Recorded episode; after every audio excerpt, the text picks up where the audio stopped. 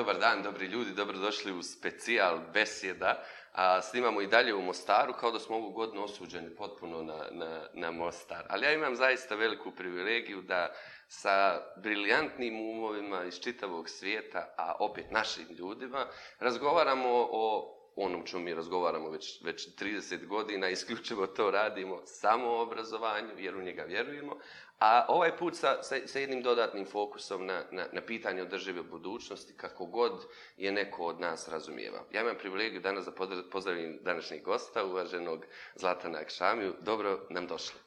Hvala, bolje vas našao. Mislim, ne znam da li imam pravo da kažem dobro vam došli, pošto Mostar nije moj, moj grad, ali sve ovo moje. Tako je, sve to naše. um, da probam da, da ovo razumijem. Dakle, Zlatan Akšamija je diplomirao računarstvo 2003. magistrirao i doktorirao iz elektrotehnike na Univerzitetu Illinois. Um, njegovi su ga studenti, ovo mi je pravo zabavno, jesen 2004. ocijenili kao izvanrednog asistenta u nastavi. Volio bih i o tom da pričamo. 2013. ste se pridružili ocijeku za elektrotehniku i računarstvo, inženjerstvo Univerziteta Massachusetts kao docent i osnovali laboratoriju Nano Energy and Thermophysics ovo ćete mi morati objasniti, ali polako, s obloga, gdje nastavlja svoje istraživanje o transportu energije i konverziji u poluvodičkim nanostrukturama fokusirajući se u transportu fot, jel, fonona, ili fotona, fonona, fonona. fonona i termoelektričnoj konverziji u poluprovodničkim nanostrukturama. Dakle, ja vam se kunem da gotovo ni jedan dio u ovoj posljednjoj rečenici nisam razumio. Pa eto, nija na neki način, znači, malo mi je neobično prevoditi neke te tehničke termine sa, sa engleskog na naš jezik, jer sam eh, otišao iz Bosne i Hercegovine od prilike u prvom srednje, znači svo svoje to obrazovanje sam, sam završio u Americi, tako da još uvijek se navikavam nekako, strah me reći uopšte, nanotehnologija, onda me drugari me zazaju nanotehnologija, no. nano zarez tehnologija i tako, još uvijek se privikavam na te neke zamene nove termine. A to bi znači, super jezik. bilo stvar da možete nani ba, ba, ovaj, objasniti na, nanotehnologiju. To je onda ultimativni nivo razumijevanja. Apsolutno, to je ultimativni test. Ono, ono što je Einstein rekao, ako ne možeš objasniti desetogodišnje, ako onda nisi dobro objasnio. E sad, ako ne možeš nani objasniti, nisi dobro objasnio. Nis, to, to, je, to je ova naša BH verzija te, te tako izreke. Je, tako je, to, to je još veći iznad Einsteina. To, to. A, što ste otišli? Pa, rat rat. Ukratko, znači, živio sam odrastao u Sarajevu, završio osnovnu školu, a, bio pod opsadom dvije i po godine, 1994. taman upisao prvu gimnaziju Sarajevsku i prije nego što je počela školska godina, izašao kroz, kroz onaj famozni tunel. Tunel spas. Ispod aerodroma, jes. A hoćete li se vraćati? Pa evo, vraćam se stalno. Stalno. Otkud poriv? Osim ovog sentimenta da, da, da se vratite. Pa u biti, taj sentiment je jak, naravno, um, uživam biti tu, Bosna i Hercegovina je prelijepa, uh, još uvijek tu imam rodbine i prijatelje, posjećujem ih, družim se i tako. Um, kad razmišljate o, o, o, o obrazovanju budućnosti, vjerujem da, da je to tema u Sjedinim američkim državama i krugovima u kojima se vi krećete. Ovde je tema, ali vrlo opterećena različitim narativima. Našom jednom gotovo nekim prokledstvom da, da, da, da ne možemo da izađemo. Svi smo svjesni problema, ali nikako da izađemo iz toga.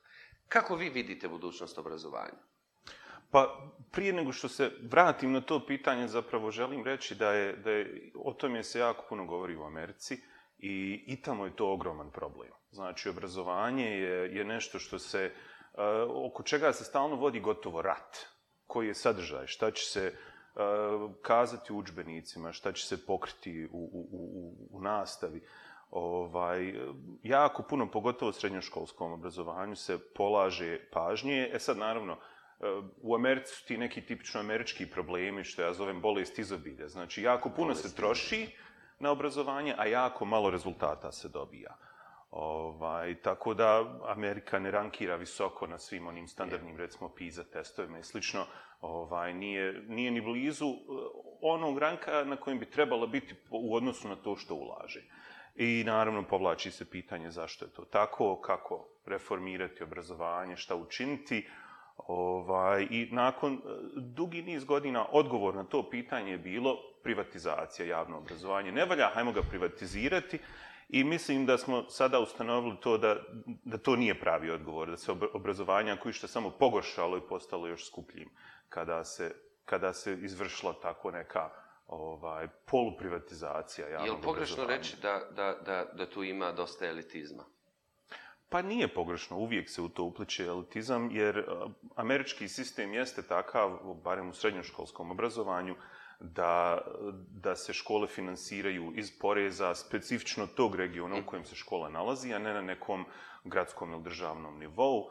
Tako da samim time se stvara neki ciklus gdje tamo gdje su dobre škole, tamo žive oni koji su najmućniji i oni opet najviše ulažu u te škole i tako ovaj, se stvara e, taj e, začarani vidio, krug. To sam vidio kad sam, kad sam, kad sam obilazio škole u Americi. Jako mi je tužna ta ideja da u biti ne, nemate kao dijete ništa sa tim, to je startna pozicija s kojom se rodite, a osuđeni ste na kvalitet koji ovisi uvijek o financijama. Da li postoji jedna kreativna ideja koja može nadići to pitanje? Ili je ova jedna kapitulacija uh, i, i pobjeda neoliberalizma zauvijek obojila pitanje obrazovanja u Americi, a posljedično se to dešava u Bosni i Hercegovini, vidimo sve više momenata privatnih fakulteta, privatnih srednjih škola, osnovnih i tako dalje. Ja, ja se iskreno donekle bojim to. Pa, ne znam šta da kažem, nemam neki kvalitetan odgovor na to pitanje. Znači, da li, da li postoji neko rješenje? ovaj jednostavnih rješenja nema i neće biti jer je složen problem, ali pomaka nabolje sigurno da ima, ovaj, dosta uspješnih priča, e, između ostalog, eh, najviše se vraćaju na, na, tu, na, na zajednicu. Znači, najuspješniji, najuspješnija rješenja za najteže probleme, znači urbane škole, siromašni kvartovi, ovaj, su ona koja su zasnovana na zajednici, gdje cijela zajednica učestvuje i pomaže školu, jer istraživanja su pokazala da uspjeh učenika zapravo najviše zavisi od od podrške kod kuće, roditelja, rodbine i slično. Tako da nije samo ta ekonomska situacija, ona samo, ona samo u njoj se ogledava možda ovaj ta podrška roditelja, znači obrazovani roditelji žele da im se djeca kvalitetno obrazuju, u to ulažu. Krug. Opet, ulažu trud, podržavaju tu djecu, postavljaju neka očekivanja koja djeca žele da ispune i to se onda prenosi i na školu. U kontekstu ove, ove budućnosti koja, koja mora biti održiva. Zaista, dosta smo bili poprilično bahati na nekom, evo sad, naj, najširijem o, razumijevanju prema planetu i prema svemu i prema nekim articles koji, koje, kojim sam imao priliku da, da, da čitam. I razgovor sa Mladenom Domazetom, koji je, koji je jedan strastveni istraživač iz Zagreba, um, on tvrdi da smo do, dostigli tačku bez, bez, bez povratka da nam sad samo trebaju radikalna kreativna rješenja. Da li je pitanje ovog jednog masovnog kvalitetnog obrazovanja pitanje održive budućnosti? Pa, možda ću dati tangentan odgovor na to, ali htio bih reći sljedeći da ovaj, uspjehom tehnologije medicine ljudski vijek se produžio. I samim time eh, mora se transformirati naš pogled na obrazovanje. Znači, to nije više nešto kao uh, hajde završi školu, pripremi se za karijeru. Znači, obrazovanje za onu, o, za prvi posao. Već, već sada trebamo obrazovanje koje će da traje cijeli život, jednu dugu karijeru, jednu karijeru koja prosječna osoba koja će, ne znam, današnja djeca će živjeti, ajmo reći u prosjeku, nadam se, projekcije su, stotinu godina ili duže, što znači da će raditi, imati karijere duge preko 50 godina, A u tih 50 godina se društvo i tehnologija potpuno transformiraju. Znači, izvadite smartphone, pogledajte 50 godina unazad, šta su ljudi imali u džepu, koja transformacija, koji da. pristup informaciji, medijima. Tako da, zaočekivati je da, da ljudi neće moći imati u principu karijeru zasnovanu na jednom, jednoj vrsti posla, jednoj oblasti, već će krenuti od inženjera, pa postati programeri, pa postati uh, Eh, ne znam... Pa se eh, vrati uh, u vrtiće, pa odgajatelji... Pa, ist, e, upravo tako. I znači, morat će se prilagođavati novim tehnologijama i mijenjati svoju karijeru i mijenjati oblast u kojoj, u kojoj tu karijeru nalaze kroz tih nekih 50 godina i sve te promjene. Znači, kako pripremiti ne, osobu za, za tako dugotrajnu, tako raznovirsnu i tako neizvjesnu karijeru.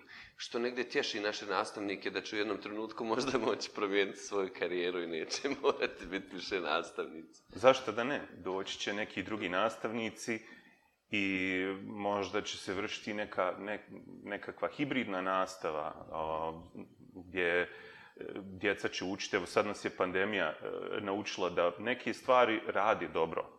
To online, remote, ovaj, a neke stvari ne. Za neke stvari ipak se moramo okupiti, biti u istom prostoru, podijeliti prostor, jer ljudi komuniciraju prostorno. Znači, u velikoj grupi ipak mi komuniciramo tako što se približimo drugoj osobi pa razgovaramo. Znači, imamo taj nekakav, nekakvu potrebu za prostornom komunikacijom koju ne možemo nadomjestiti za sada elektronski. E.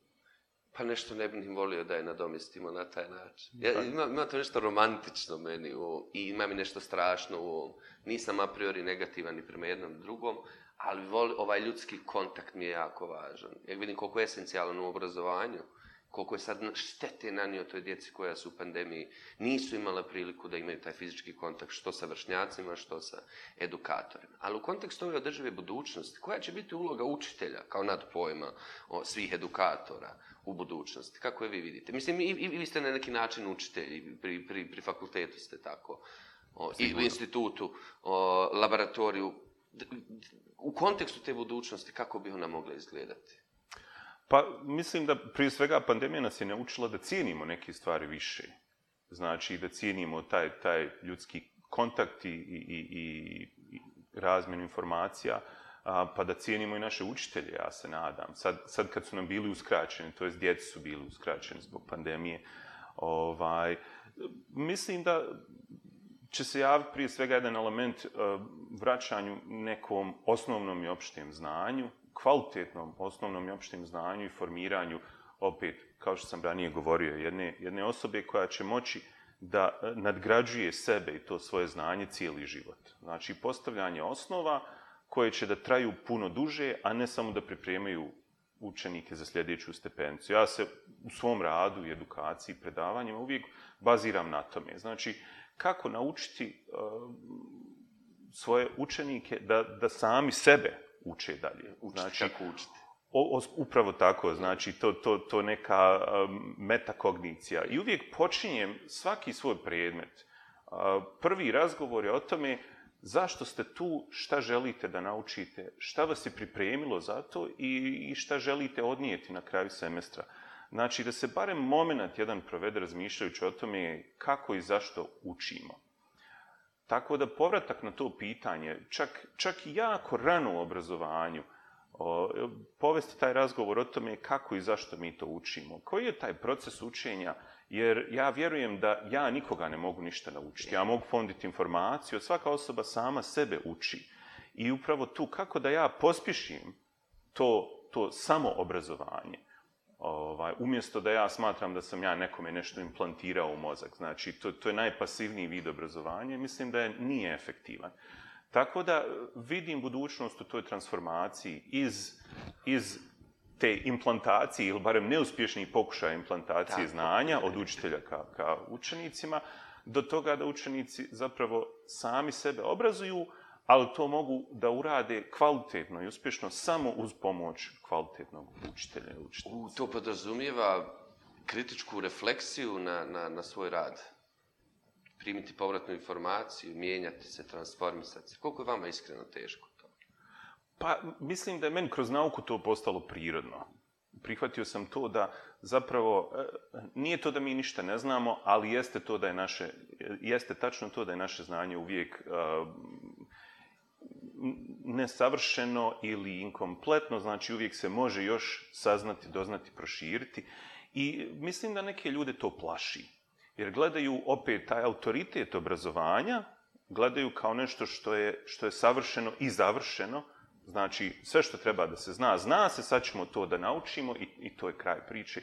Nije. Opet, ako nas išta naučila pandemija i širenje pogrešnih informacija, laži, teorija zaviri i slično, mislim da nas je e, podstaknulo na razmišljanje o tome kako osposobiti jednu prosječnu osobu, svoje učenike, osposobiti da opet kritički razmišljaju o tim informacijama koje primaju.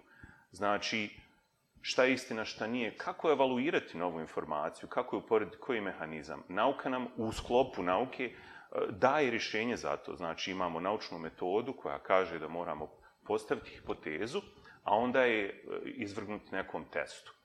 Znači, moramo imati hipotezu koja može, može se ispostaviti tačnom ili netačnom, to je taj falsifiability, znači može, e, ima, nekih, e, ima nekih postavki koje nisu hipoteze jer, jer će se uvijek ispostaviti tačnima, a opet ima nekih koje nikad ne mogu biti tačne. Znači, moramo, moramo to formulisati na jedan kvalitetan način, a onda nepristrasno je izložiti testu, uh, iako, iako se ne pokaže tačnom odbaciti ili je promijeniti. I možemo to prenijeti na mnoge druge ovaj, grane izvan nauke i primijeniti to čak i kada sami moramo kritički da se osvrnemo na neku novu informaciju. Da li postoji neki mehanizam? Da li, da li smo vidjeli korelaciju samo ili razumijemo neki mehanizam kako dolazi do toga što je observirano? kako vi to govorite, ja samo razmišljam o moći, u odnosu moći unutar tih obrazovnih institucija, obrazovnih platformi. Kod koga bi trebala navodno da bude moć? U obrazovanju, možda ja tu imam neki lični interes, ali smatram da moć treba da bude a, većinom kod, kod učitelja, edukatora. Znači, oni moraju da imaju određenu slobodu da bi mogli kvalitetno i nesmetano da prenose znanje koje imaju, a pritom je da osjećaju mogućnost i slobodu da, da se i oni sami dalje edukuju. Recimo u Americi je, postoji znači, ta, ta federalna uh, fondacija, National Science Foundation, koja finansira projekt, naučne i tehnološke projekte i u sklopu tih projekata često traži da se uključe srednjoškolski nastavnici da učestvuju na neki način, da dođu posjeti laboratoriju, pogotovo preko ljeta kad nema nastave, da se oni sami e, kroz to edukuju, da se zainteresuju za neke nove teme, da vide kako se vodi istraživački rad na, na nekim najnovijim tehnologijama i da dio toga ponesu sa sobom nazad u svoje učionice. Tako da mora svaki edukator da ima tu slobodu da nastavi sebe obrazovati da bi obrazovao drugim. A ta autonomija nosi odgo o ogromnu odgovornost za koju se ovaj, mora izboriti rad. A, ajmo na, na, na BH, bez ikakve patetičnog poređenja, tamo bolje ovde to ne radi i tako dalje. Šta sanjate za, za bosansko-hercegovačko obrazovanje? Šta vas plaši u bosansko-hercegovačkom obrazovanju? Pa, mislim da prije svega, pošto nema mnogo informacija, baziram se na onome što sam čuo zadnjih par dana tokom uh, ovog kongresa BH sa u razgovoru s ljudima. Mislim da me najviše, najviše me dotakao, dotakli su me ti razgovori o nedostatku kadra u određenim oblastima. Znači, došlo je do snažnog porasta i iskoraka u informatici. Ovaj, došlo je do, do razvoja firmi u BiH koji rade sa cijelim svijetom, koji trebaju kvalitetan stručan kadar, a ne mogu da ga nađu. Znači, u nekim oblastima ne proizvodimo dovoljno kadra, u nekima možda ga proizvodimo i previše.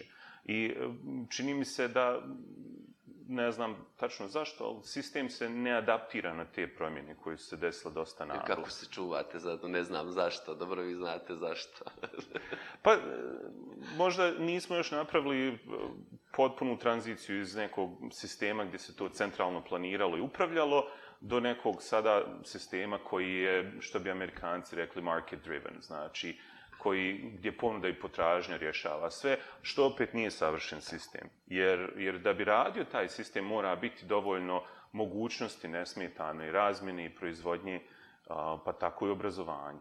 Znači, moramo imati ili, ili jedan upravljan sistem ili jedan potpuno slobodan i neometan sistem. A mislim da trenutno imamo neki hibrid i da smo u prijelazu između ta dva ekstrema. Šta vas najviše plaši? Evo, ljudski, kao neko ko je vezan za, za, za, za ovo područje. Pa, plaši me da će se ove podjele koje imamo prenijeti s generacije na generaciju, ona će se prihvatiti kao neminovne. A, a nisu takve znači podjele po, po nacionalnom, regionalnom i, i ostalim svim osnovama, dok se ne podijelimo do jedinke i do individue, da ne e, možemo dalje. Do paradoks. Potpuno. Znači, izolacija. Imam osjećaj da, da su se e, dijelovi BiH udaljili jedan od drugog, da, da nismo povezani ni onoliko koliko smo nekad bili, a cijeli svijet se sada uvezuje i približava. Znači, mm, imam osjećaj nekad da mi je lakše doći iz inostranstva u jednu ta tačku BiH nego između te i neke druge unutar države. I to je žalosno, ali to je opet problem infrastrukture. Ovaj, I onda se to prenosi dalje, pa i na obraz obrazovanje. Da li možemo govoriti sad o, o nekoj planetarnoj krizi znanja?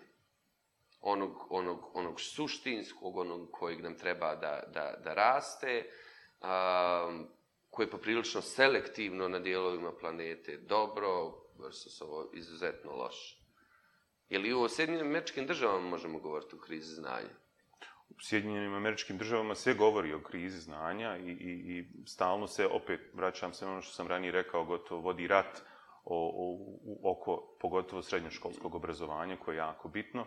A Ono što, što za mene predstavlja krizu globalno je upravo to što um, u ranim danima interneta sanjalo se o demokratizaciji znanja. Sad ćemo imati jedan mediji alat preko kojeg nam je znanje dostupno, preko kojeg se možemo neograničeno obrazovati, informisati, u sekundi možemo pronaći podatke. Kako divno, sada ćemo svi imati neki jednak pristup znanju i obrazovanju, A upravo suprotno se desilo. Znači, svi imamo jednak pristup pogrešnim informacijama, a samo neki možda imaju pristup kvalitetnim informacijama. Znači, opet tu vraćam se na edukatore koji su oni koji mogu da usmjere ili proberu ono što je kvalitetno i dobro i ponude to svojim učenicima da bi oni naučili kroz to kako da sami pronađu to što valja, to što njima treba. I tu vidim opet mogućnost za transformaciju. Znači, uh, mi koji smo edukatori više nismo tamničari znanja. Ja se sjećam, moj, moj mentor na fakultetu mi je pričao, on je porijeklom iz Italije pričao o tome kako je neka knjiga koja mu je trebala za ispit bila zaključana u ladici kod profesora i onda je on morao da, da na neki način dobavi ključ, da to odključa da izvadi knjigu. Znači, e, kao da smo mi edukatori nekada prije držali znanje pod ključem i onako ga davali selektivno uh, kada je kome trebalo ili kada kome smo mi htjeli. Sada informacija, znanje, sve je dostupno svima. Koja je naša uloga? Neki se možda i plaše gubitka tog autoriteta, te uloge, a zapravo sada smo potrebniji nego ikada. Jer sada su svi potpuno zaplavljeni gomilom informacija od kojih je većina potpuno smeće. I trebamo im više nego ikada da ih usmjerimo kako da pronađu ono što je, što je zaista korisno, što će dovo, dovesti do nekog boljitka za njih same, a i za društvo u kojem učestvujemo. Ću, ba, baš uživam u ovom razgovoru. Ja također. Imam, imam, sad ka, kažu, nije klasičan format, nisam voditelj, nisam novinar, ne bavim se tim. I uvijek mi zamjeraju kada ovo, kad potvrđujem nečiju izjavu, pa kažem fenomenalno, super, kao ne treba ti da validiraš nečiji odgovor, ali ovo mi, imam mnogo stvari s kojim se slažem. Evo, da, da pokušamo u završnici, da vi meni nešto naučite iz oblasti kojom se bavite, da probamo. Pa najvažnija stvar koju bih ja želio prenijeti ovdje je da, pošto se bavim nanotehnologijom, nanoelektronikom i, i svima to zvuči kao nešto strano, udaljeno, nepoznato, e, želim reći da, da to nije. Svi mi imamo nanotehnologiju u džepu, ona je u našim pametnim telefonima, u svim tim uređajima, znači... Nije unutar... u vakcinama, jel? U vakcinama nije. E, dobro, e, samo e, da... Vrat ću se na to. Molim vas. E, Vrat ću se na to e, da spomenem neke od problema ili izazova za budućnost u području nanotehnologije. A, a to je opet energija. Znači, svi mi imamo ne, ne milione, nego milijarde uređaja, tranzistora, koji su ti digitalni prekidači, na kojima se zasnivaju elektronska kola, na kojim se zasnivaju svi procesori. I, i imamo ih na milijarde u našim džepovima, u našim pametnim telefonima, u svakom USB memory stiku i tako dalje. Znači, to je jedno od, od najkrupnijih dostignuća čovječanstva, a o njemu se ne govori puno, gotovo nikako. A zašto je toliko krupno dostignuće? Da, e, mislim da smo uspjeli više nego u bilo čemu drugome ikada u istoriji da nešto što ne vidimo napravimo, da to pravimo u ogromnoj količini, da to pravimo konzistentno, znači proizvodimo milijarde tranzistora na svakom čipu, a opet i milijarde čipova za sve te telefone i, i laptope i tako dalje.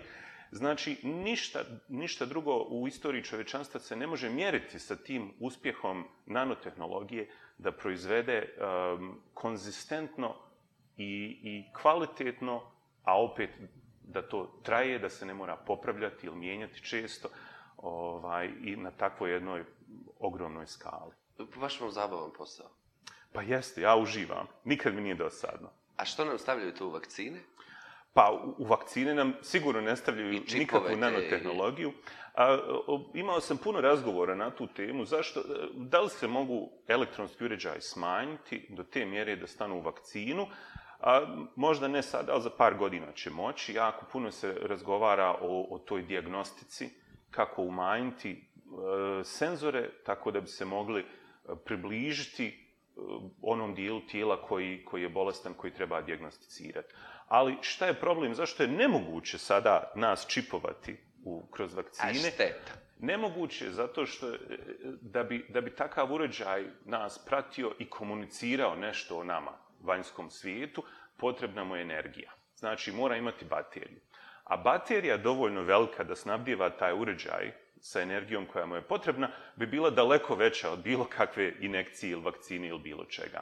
I upravo tu je, e, mislim da je jedan od velikih izazova u nauci i tehnologiji, jeste energija, to jeste baterije ili drugi izvori energije koji, su, koji se mogu smanjiti tako da bi, recimo, opet baš taj pametni telefon mogao trajati duže između punjenja, da bi laptop mogao duže raditi između punjenja i tu smo, uh, Napravili smo neke pomake, ali nisu toliko velike kao u drugim oblastima. Znači, povećali smo broj tranzistora na čipu e, puta dva svake dvije godine, to je taj famozni Murov zakon, i pratili smo ga već decenijama, dok takve stvari se nisu desile na području energije. Zato me interesuje taj prisjek između energije i nanotehnologije.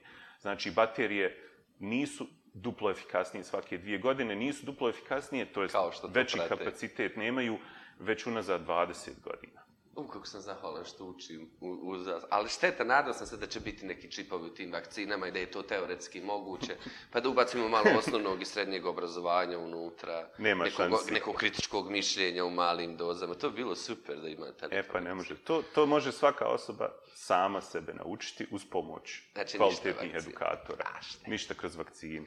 Ja moram da se zahvalim ljudima koji su vam omogućili da, da, da dođete ovde. I hvala vam što ste mi omogućili da mi Zlatan dođe tu, a ja se nadam da ćete vi, evo sad, ovo je potpuno iz vedra neba, možda od septembra s našim nastavnicima pričati o ovom, onako malo ovaj, duže i da, da, da, da pričamo o raznim temama. Baš bi nam bilo drago da sa našom nastavničkom zajednicom o tome govorite. I meni bi. Veoma. Jeste snimili ovo? Jeste. E, dobro, zahvaljujem se. Um, Diaspora za razvoj, um, to je taj projekat koji je vas doveo, vlade Švicarske, Ministarstvo za ljudska prava izbjeglice BH, a implementira se sa UNDP-om Bosne i Hercegovine i IOM-om. Hvala drugari što ste nam doveli Zlatana da pričamo o obrazovanju. A vama od, od srca hvala i nadam se da se još družimo sa našim nastavnicima. Ja se također nadam, ja im se zahvaljujem, a i vama hvala na ovom razgovoru i besedi sve najbolje. Također. Dobri ljudi, bio je to uvaženi Zlatanak Šamija. Drugari, vanredna je situacija u potpunosti. Dakle, YouTube nam je poslao mail da će nas ukinuti i besede i step by step i reformu obrazovanja sve ako ne... Evo, molim vas. Evo, samo sada. Ako ne, ništa prije nikada nikoga nisam molio. Evo sada vas molim, molim vas uradite subscribe, jer time ćete pomoći da se reforma obrazovanja ne nastavi, a besjeda da ide dalje. Hvala. Hvala.